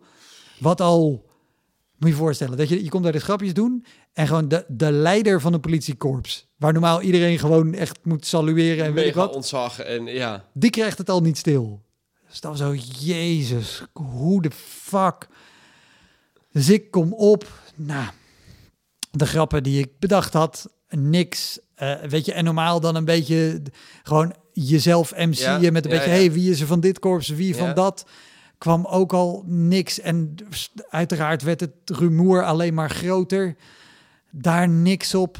Eh, Nou, interactie met mensen, niks. De grapjes die ik onderweg had bedacht in twee uur, zenuwen, niks. Vast materiaal, niks. En ik moest 20 minuten, dat had ik afgesproken. Dus aan het einde, ik wel gewoon zo, oké, ik was in ieder geval, ik was meer ervaren. Dus ik dacht, oké, ik kap gewoon met grappen maken. Weet je wat, ik trek het gewoon helemaal terug naar nul. Ik zei, oké, eh, ik heb vorige maand ook een opdracht gedaan voor de politie. Ik heb voor jullie, ik heb zoveel gehoord. En ik heb echt oneindig veel respect voor wat jullie doen en dit en dat en bla bla. Weet je, ik denk, dan pak ik hem daarop. Ja. Ook. Oh man. Helemaal. Dat ik dacht, weet je, dan sluit ik hem mooi af. Ja. Dat, is, dat is ook nog. Dus ik had, ik, en, en ook dat verhaal, ze haha met latex en een buttplug. Ze keken me aan. Wie, wie- wat, Wie? wat zijn dit voor smerige verhalen? Deel je dit? Dit is jullie werk. Ja. De- oh, alles helemaal niks. En er staat er dus 150 man tegenover je die een wapen allemaal hebben. Hè? Dat is best wel zo, oké. En er staat op, op mijn horloge 20 minuut 01. Hey, tot ziens. Dag. Doei. Dag. Ik vond het heel leuk om hier te zijn. Oh, en dan, dan wil je het podium af, maar ik kon het podium niet af, want dit was een Grand Café. En het podium was dus gewoon een verhoging, maar geen coulissen en geen backstage. Dus ik, ik moest zo, Je kan niet schuilen. Je kan ik kon niet schuilen, ik kon niet, weet je, wil gewoon uit beeld zijn. Je wil gewoon weg zijn en liefst gewoon in één lijn naar de auto. Wat ik overigens eh, afgelopen zomer wel een keer gedaan heb. Eh, maar dat wil je, maar je moet, je staat daar zo in een hoekje en dan zo'n laf applausje van degene die. het- En er was één vrouw, echt een pinnig wijf, en die zat ongetwijfeld in de commissie. En het was alles in haar houding en uiterlijk en der kortpittig kapsel zei al: ik vond stand-up comedy vanaf het eerste moment al een kut idee. En die, die, die komt Oh, naar die had toe. ook nog eens gelijk gekregen. Dat is... Dat, Dat, is, ook nog ja. het kutte. Want exact waar zij bang voor was, en terecht, waar ik ook bang voor was, Ja, ja. waar ik die man van had geprobeerd te overtuigen. Maar hij zei, nee, nee, nee, nee, nee, ik ga het allemaal regelen. Want dat hele zittende publiek was natuurlijk ook niet aan de hand. Iedereen stond te borrelen en stond Precies. te kletsen. En ze, wat, wat voor stampot heb jij? En hoe zijn jouw gehaktballen? dus dat, dat mens komt naar me toe met de chagrijnige kuthoofd. En zegt, ja, ja, wat toch, ja, wat toch even zegt hem. Ja, ja, dat is niet echt wat we ervan verwacht hadden. Nee, Gerda. Oh, nee. Het dat geldt voor mij ook. dat geldt voor mij ook. En ik had ook absoluut iets anders willen doen. Maar dit was... Oh. Maar dan ook op zo'n moment... Oh, en het is zo kut. Want dan ook... Ik kan, weet, je, er zijn ook ongetwijfeld comedians die, die op, op zo'n moment tegen haar kunnen zeggen... Ja, snap ik, hou je bek, maar dit hoef ik nu echt niet te horen. Maar ik ben dan heel beleefd en heel netjes. Dus ik ga me dan ook nog zo... Ja, ja, nee, ja, wat lastig en bla. En dan wil ik ook nog gewoon beleefd blijven. Ja, en, En- uitleggen waarom het niet werkte. En eh, ondertussen al die kritiek meenemen, dat verwerken. Oh, dat ook. En dat ook aanhoren alsof het zo... Oh, bedankt voor de feedback. Hier ga ik volgende Ja, keer wat... hier ga ik zeker niks mee doen. Oh, jezus. En toen, na de dag daarna kreeg ik... ehm, ik moest dus ook nog... eh, sowieso was wel mooi. Ik, ik reed terug en toen belde ik met Hassan El Rahoui. Ja, En eh, die zei ook... Hij zei, ja, dude, dit zijn allemaal politieagenten. Die zijn getraind om zich met niemand emotioneel in te laten. Wat had jij nou gedacht? Dat je ze wel even om je vinger ging wikkelen? Natuurlijk niet. nee. Ik zei, oh ja, dit was heel slim. Dit was overigens nadat ik op de terugweg bij Strand Nulde bij Emmeloord heel blij was dat er een, een pizzeria aan de snelweg zit. En ik gewoon Oh, heel ik dacht, verdrietig een pizza dus- in mijn bek heb kunnen proppen. Ik dacht, je gaat een zeer ongepaste meisje Nee, nee, nee, maken nee, nee, nee, nee, helemaal niet. Helemaal niet. Maar ik, ik, ja, ik, ik, had het, eh, ik had het zwaarder dan zij. Oh, ja. Eh, maar, maar ik moest daarna nog ik ben overigens doorgereden naar de open mic van Comedy Huis in Utrecht. Waar echt 30 man in de kelder zat, want open mic. En daar Ja. gewoon vijf minuutjes oud materiaal gedaan. Wat werkte. Even voor het gevoel. echt ik kan het nog. Ik kan het nog. Ik kan het nog. Ik ben nog iemand. Oh, man, ja, lelijk is dat. Oh, bevestiging toch nodig. Toen moest ik nog in discussie over wat ik qua geld Oh, ervoor ging ja. krijgen. En die man stuurde, de, stuurde iets van, nou, we, we, we, we betalen eh, 200 euro of zo. En dat was wel dat ik zei, zei, ja, ik, ik snap het, want het was echt, al, het, het was absoluut niet wat jij ervan verwacht had en ook niet wat ik ervan verwacht had. Ik zeg, dit was overigens wel exact wat ik je voorspeld had in ons eerste telefoongesprek Ja. en waarom ik huiverachtig was Ja. om het te doen. Ik zeg, maar het bedrag wat je nu noemt is wat ik normaal zou krijgen voor een optreden van deze lengte met gewoon bestaand materiaal. Ik zeg, Ja. ik ben twee keer op en neer gegaan naar Hogeveen, Ja, twee keer altijd voorbereiding mag er nog bij. ik heb eh, een gesprek gedaan met drie uur. Ik zeg, op het podium heb ik dit gedaan. Ik heb de verhalen genoemd waarvan jij zei die werken. Ik heb dat gedaan. Ik heb zus gedaan. Ik heb echt alles uit de kast getrokken om er iets van te maken. En dat is allemaal niet gewerkt. Heeft allemaal niet gewerkt. En jij vraagt nu aan mij een korting ten opzichte van het originele bedrag van echt, ik had het nagerekend, 83 procent. Dat is stevig. Dat is een hele, hele stevige Dat is stevig korting die, je- onderhandelen, die je van me vraagt. Ja. Ik zeg, laten we er, weet je, als ik kijk naar de tijd die ik erin heb gestoken, kwamen we op nee, 400 euro of zo Ja. uit, of 450. En toen het binnenkwam, was, toen viel er echt gewoon zo'n pak van mijn, van mijn hart of last van mijn schouders. Oké, dit is nu afgerond. kan dan ook een strikje om en dan is het ook gewoon maar klaar. Oh, maar ik heb me er echt lang op kut over gevoeld. Oei, oei. Oh, maar die was echt zo verschrikkelijk. Maar dan ook dat je echt al gewoon, je merkt na de eerste 10 seconden of 20 seconden dat je een grap maakte, dit gaat, Dit wordt heel... ik ga, ik ga niks kunnen doen Ja. om dit te winnen. En ik moet, ik moet het door. En vooral ook omdat je al van tevoren had bedacht, ik wil dit helemaal niet Mhm. doen. Waar heb je het geld aan uitgegeven? Weet ik niet Aan meer. mijn kind. ook nog eens aan mijn kind. Fuck. nee, ik, heb, ik, ik zat gelukkig in een, in een financiële positie dat ik er wel ook van dat soort dingen dan gewoon in ieder Toch geval iets leuks, iets leuks kon doen, ja. kon doen. Of dat we, ik, ik, ik denk dat we in ieder geval uit eten zijn gegaan. Ah, ja. Oké, daar heb ik in ieder geval. Heel goed. Maar dat is. Oh. Hey, en nu eh, vooruitkijkend, waar verheug je je op? Wat komt er aan waarvan je zegt, oh man. Ik heb er één waar ik me op verheug en waar ik doodsbang voor ben. Ja? Die heb ik echt. Het, op het moment dat deze uitkomt, is die, is die achter me en weet ik hoe het gegaan is. Ja? Ik eh, ben gevraagd en uiteindelijk dus ook vastgelegd om mee te denken en mee te schrijven met de presentatieteksten van Rick van de Westerlaken en Jan Smit voor het Gouden Televisiering Gala. hey, wat vet. Dat, Dat is- klinkt als een leuke klus. Dat is een hele vette klus. En daar zit bij dat ik ook de opwarming ga doen van het Televisiering Gala in Fuck. fucking Carré. Voor al die mensen in Carré. Precies. Oi. Snap je mijn, Oi. mijn dilemma? Ja, man. Oh, ja, ik snap. Ja, Want wat vet. Het is heel erg vet met- en, en het is een toffe klus. Maar dit publiek is eh, eh, vergelijkbaar. Ik had het toevallig vorige week nog met, met iemand anders die ook wel eens, eh, of wel eens, die altijd voor de roost schrijft. Dat publiek wat bij de roost zit bijvoorbeeld, zijn ook allemaal bekende Nederlanders en genodigden. Ja. Dat is heel anders dan een gewoon publiek. Net als advocaten vinden die zichzelf allemaal heel tof. Ja. En ook, ja, het is hun feestje. Dus weet je, als ik daar opkom en misschien zijn er inmiddels een paar mensen die mij kennen, maar het merendeel zal denken, wie is deze gast? Waarom heeft Jan Smit geen bril en waarom ziet hij die, heeft hij die wallen onder zijn ogen? Ja. Eh, en die moet ik op gaan warmen. Maar dit is een groep mensen die zich amper op laat warmen. ja Maar ja, de andere ja. kant is ook, het zijn allemaal tv-makers en Precies, ze weten wat je komt doen. Ze kennen de klappen van de zweep. Waar ik- Eh, waar ik En dude, je staat Heel graag. Carré. Ik sta in Carré en ik wil mezelf graag aan die mensen laten zien. Dat ze Zeker. oh, maar die gast, dat was, Ja. dat was best oké. Maar oh jongen, dat is wel... Wanneer is dit? Volgende week donderdag. Eh, dus dan hebben we het over... Nog een week, dus dat is even kijken, 14 oktober.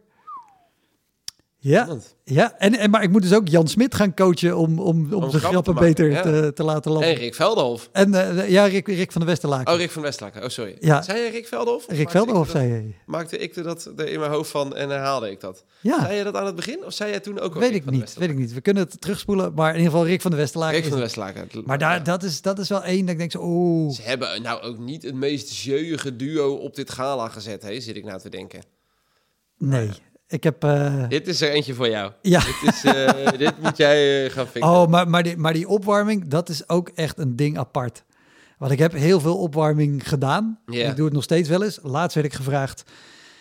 En ik weet ook gelijk weer waarom ik tegenwoordig nee zeg tegen opwarming. Ehm, voor, oh, hoe heet dat kutprogramma? Ranking the Stars. Ja? Oh, dat is een ramp. Ik werd gevraagd en ik kon eigenlijk alle data niet. En toen zeiden ze, kan je morgen op zondag invallen? En toen kon ik, die kon ik net wel. Ik zei, nou, dan kom ik wel. Ja? En ze zeiden ook, nee, maar we zorgen dat het echt goed eh, eh, geregeld is. En dat de, de vloer, gewoon de hele opnamevloer, weet je, dat iedereen klaar is. Ja? Ik heb het al tig keer gehad. Dan moet ik de opwarming doen. Dus dan moet ik het publiek wat daar zit kut, warm krijgen. En achter je staat iedereen. En cameramensen staan nog gewoon op deze toon met elkaar te praten. En BN'ers worden nog op hun plek gezet. Dus het hele publiek zit zo, hoe, BN'ers. En ik moet dan die mensen... Dus je voelt je echt een stewardess die zo daar zijn de nooduitgangen. Ja? Maar dat zouden ze allemaal regelen. Nou, was natuurlijk niet geregeld. En het kutte ook, dan ben je er al zo... Oh ja, en eh, als het publiek binnenkomt, ga je dan ook al even met ze babbelen. Dat zal in de sfeer zijn. En dan moet ik dus in een, in een totaal sfeerloze ontvangsthal op het Mediapark met mensen een makkelijk babbeltje gaan maken. En ik ben een comedian die op het podium graag babbelt, Ja. maar daarbuiten Eh, niet. geen enkele comedian vindt dat leuk. Precies, er zijn er echt twee of drie, Ja. maar verder iedereen lekker introvert zijn bek dicht te houden. Oei, oei, oei. En dan moet ik daar echt gewoon een knop omzetten. Moet ik bij al die tafeltjes langs en al leuk gaan doen. Oh, dat is verschrikkelijk. En dan ook, er, er zaten grappen in en die worden dan gemaakt door Eddie Zoe. Ja. En het is een aardige vent volgens mij. Maar grappen maken is niet, is niet zijn ding. Niet per se. Dus die grappen vallen niet zo heel hard. Maar dan moet ik het voor het publiek een beetje aan gaan staan lachen en duidelijk maken dat ze moeten applaudisseren. Dit is het. Oh, Land. En maar- betaalt vast heel goed. om zo te zwaaien. Nee, om op te warmen. Kan ik het heel goed bedoel je? Nee, het, het betaalt vast heel goed. Eh, best aardig voor wat het inhoudt. Is het, eh, en het- zijn, weet je, dit is ook zo'n klus. Oké, op zondagavond, jullie Ja, zitten heel erg omhoog. Ja, precies. dit is de prijs. Kijk maar, Ja, we doen het. Ah, kut, weer te weinig we doen het. En, en weet je, bij Zondag met Lubach getekend, daar was het superleuk. En, maar dat was Ja, heel eervol en daar was alles erop ingericht. Precies. Maar ik heb er één gedaan, daar ben jij bij geweest. Daarom wil ik hem aanhalen. Ooit de, de opwarming voor een pilot van een of ander programma. Het was op het Rembrandtplein. Programma is nooit in productie genomen. Ehm, en dat was volgens mij ook iets met dan YouTube-filmpjes. Want tv, dus Oh, hey, als we nou. YouTube Ja, op, op, ja, op tv eh, gaan doen. Nienke Plas Nienke was er Plas, ik zat er. eh Fouad, denk ik. Fouad Hassen. Ja, denk het. En Martijn Cardol. Gok ik. Dat weet ik niet. Dat zou wel kunnen. Volgens mij nog een YouTube. Via, via Menno. Ja. Oh, maar die was ook verschrikkelijk. In de setting van eh RTL Late eh, Night. Late Night. Ja. En waar al niet zoveel publiek überhaupt bij Nee, zit. Daar kan, daar En- kan 12 man bij of zo. Twaalf man. En het is een soort eivormig studiovloertje. Ja. En ze hadden dus helemaal geen publiek. Dus ze hadden mensen nog echt letterlijk gewoon van het Rembrandtplein Ah, afgetrokken Daarom ging ik zo kut daar. om erbij te zitten. en ik moest dat dan, dan opwarmen. Maar dus ook daar weer allemaal... En die mensen dan vertelden ze... Nee, maar het is een leuk nieuw tv-programma. En dit was ook nog eens echt vijf of zes jaar geleden. Ja, Dus die zijn dan Ja, naar binnen gelokt met leuk nieuw en met BN'ers. En die zich om zich heen keken en dachten...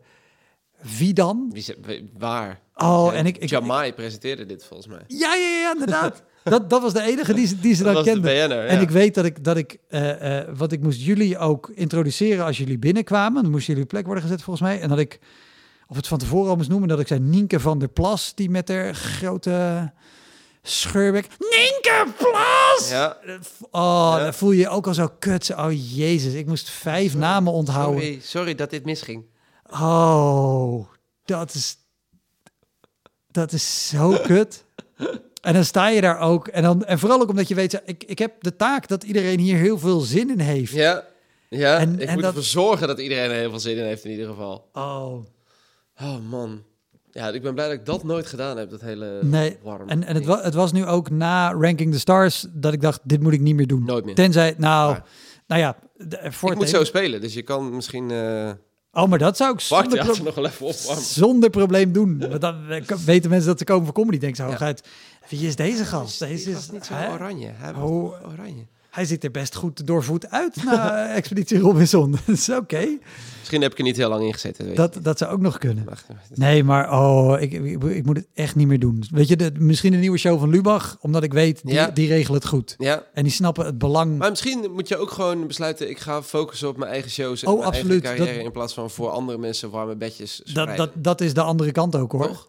Dat is absoluut de andere kant. En ik heb het in die zin ook niet meer, niet meer nodig. Ah, ja. Qua geld. Alleen, Ja. maar dat, dat zit er nog altijd in, die stomme angst. Dat je altijd denkt, oh maar straks ben ik Ja, plut. Terwijl ik ben ja. de coronacrisis bijna beter uitgekomen dan dat ik, er, dat ik erin ging. ja. Dus Nou dankzij, aan dankzij steunmaatregelen. ja, dank je Toze. En, en, en, en dankzij online shows. Heb jij online dingen gedaan? Nee, helemaal niet. Nee, ik ben anti-online stream ding, whatever. Ik doe niks zonder live publiek te kunnen voelen. Oh, heel goed. Heel goed. Maar ik begrijp dat jij het wel gedaan hebt. Oh, en dat eh, man, dat ik- zal ongetwijfeld heel leuk zijn. Ja, sommige, weet je, degene die ik deed met 90 huiskamers en dat ik in mijn werkkamer gewoon Judah Friedlander, die een Netflix, special heeft en zo, die deed mee vanuit zijn keuken in New York. Wat leuk. Dat is te gek. En daar zaten zoveel mensen in en wij verdeelden de kaartopbrengst. Ik had meer verdiend dan op een normale avond. Ja? Ik had geen reiskosten Ja. en geen reistijd. Oh, En een topavond. is echt het lekkerste wat Ik ging is. om acht uur mijn werkkamer in. Om kwart over tien kwam ik eruit. Ik had een topavond gehad. Wat En ik had meer verdiend dan anders. Wat leuk. Maar ja, dat was het begin van de coronacrisis. Ja? Aan het einde was iedereen wel een beetje klaar met hele streaming dingen en zoomen als het niet per se hoefde en zo. Ja? Oh, de, eh, overigens heb ik er ook één gedaan met 90 man. En dat was een bouwbedrijf, ook in het begin van de crisis. Waarbij alle jongens van de bouw ook in een online meeting zaten. En die waren niet gewend om een online meeting te doen. Ik heb serieus een half uur staan schreeuwen naar mijn scherm om ze stil te krijgen. Maar kan je ze niet mute all en dan... eh, Ja, maar dan, je, je weet niet wie je moet muten of niet. Er zaten twee mensen op om het te beheren. Ja? En uiteindelijk waren de ergste gevallen wel gemute. Maar in het begin weet je dat niet. En was, weet je, waren zij daar ook nog niet zo snel in. Oh, dat, dat is verschrikkelijk, jongen. Echt gewoon een, echt een half uur. Tot het gewoon, om het stil te krijgen. Niet eens om een lach te krijgen, om het stil te krijgen. En je moet blijven babbelen. Ja, want anders, zodra jij stilvalt, dan wordt natuurlijk iemand anders fullscreen. Omdat die eh, dan het hardst praat. dat, dat hadden we wel al door, dat je Oh, dat dat je iemand dat kan pinnen. Dat, Oh, dat ja, ik alleen maar zichtbaar blijf. Ja? Maar oh, dat is, dat is zo wat er dan in je hoofd gebeurt. Want het echt, je moet, je moet blijven praten. En je moet grapjes blijven verzinnen. En je weet alleen maar, ik moet het op zijn minst stil krijgen. En ik moet een beetje lach krijgen. En ik moet dus ook nog de switch maken waar we het net over hadden. Ja, Van improvisatie naar materiaal. naar materiaal. Zodat Ja. degene na mij materiaal kan doen.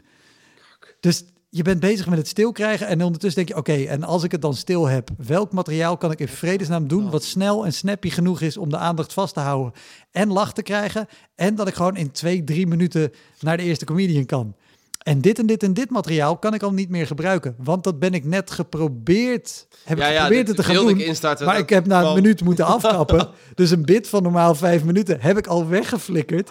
en kan ik niet meer gebruiken. Ja, daarom ga, ga gewoon lekker avondvullend spelen. En iedere avond exact dezelfde 90 minuten. Dat is echt het beste wat ik iedereen kan meegeven. Ga dat gewoon doen. Ja, ik, ik, ik ben druk bezig. Dus Heel goed.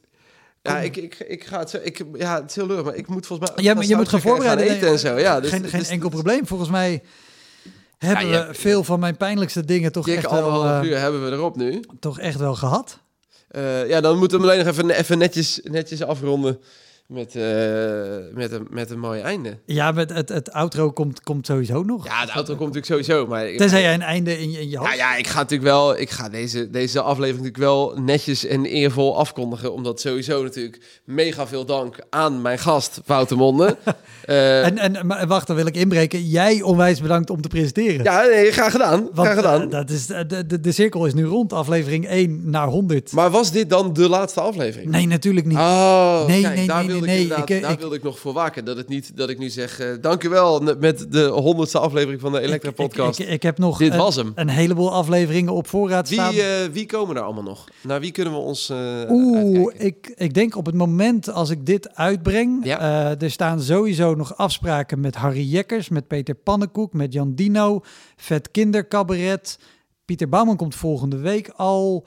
eh Samir Vigil, Andy Marcelissen, de tonprater. Ehm, Jan Linsen, ik hoop Kamal Kamash uit Vlaanderen ook Ja. nog te strikken. Ehm Brigitte Kaandorp staat een lijntje uit, maar ik weet niet of dat gaat lukken. Leuk. Eh poeh, Milène Danjou van Theater de Liefde. Ja. En ja, er komen, nog, er komen nog heel veel. Ik heb Ah, echt nog lang. En, oeh, oh, Oh, ik weet ja. niet of dit gaat lukken. Dus dat is echt een. een, een, een, ehm, maar eh, een van mijn voormalige gasten ging weg en zei: Ik zal je trouwens het nummer een keer doorgeven van Paul van Vliet. Die moet je een keer vragen. Wauw. Die zei, Oh. als dat, zei hij, maar dan moet je wel naar Den Haag toe. Ja, duur. Al zit hij in Ja, Saint-Tropez. Ja, prima. Dan ga ik naar Den Haag. Dat zou, wel- dat zou wel echt te gek. Ah, man, ja, dat, Dus nog dit heel is veel. Dus abonneer, Fijn om te luisteren. horen dat, dat er nog zoveel in deze pijplijn zit. En zolang comedians blijven optreden, ontstaan er kutverhalen. En kunnen we gewoon altijd weer aanschuiven om onze pijn en verdriet bij jou uit te storten. Precies. Eh, dank voor ah, de afgelopen 100 afleveringen. Ik kijk uit naar de komende 100 afleveringen. Eh, jullie allemaal bedankt voor het luisteren. Bedankt voor het kijken als je dit op YouTube hebt gezien. Eh, mijn naam is René Vermeurs. Like en subscribe. Eh, ik, ik weet niet werkt. pro. man. Volgens, mij- volgens mij is dit, is dit hoe iedereen het doet. Vergeet geen blauw duimpje omhoog te steken. En eh, veel plezier met de rest van je leven. Dat was hem, de Elektra Podcast. Meer informatie over mijn gast van vandaag en linkjes naar van alles en nog wat vind je in de omschrijving van deze aflevering.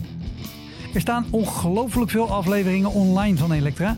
En op elektrapodcast.nl kan je makkelijk zoeken op de naam van jouw favoriete comedians en cabaretiers. Je kan daar ook eenmalig doneren of crewmember worden. Als crewmember betaal je maandelijks een klein bedrag, maar dan krijg je ook nog eens bonusmateriaal. Je luistert voortaan zonder onderbrekingen en je krijgt consumptiebonnen die je kan inleveren bij een show van mij. Ik vind het sowieso te gek als je een keer komt kijken bij mij.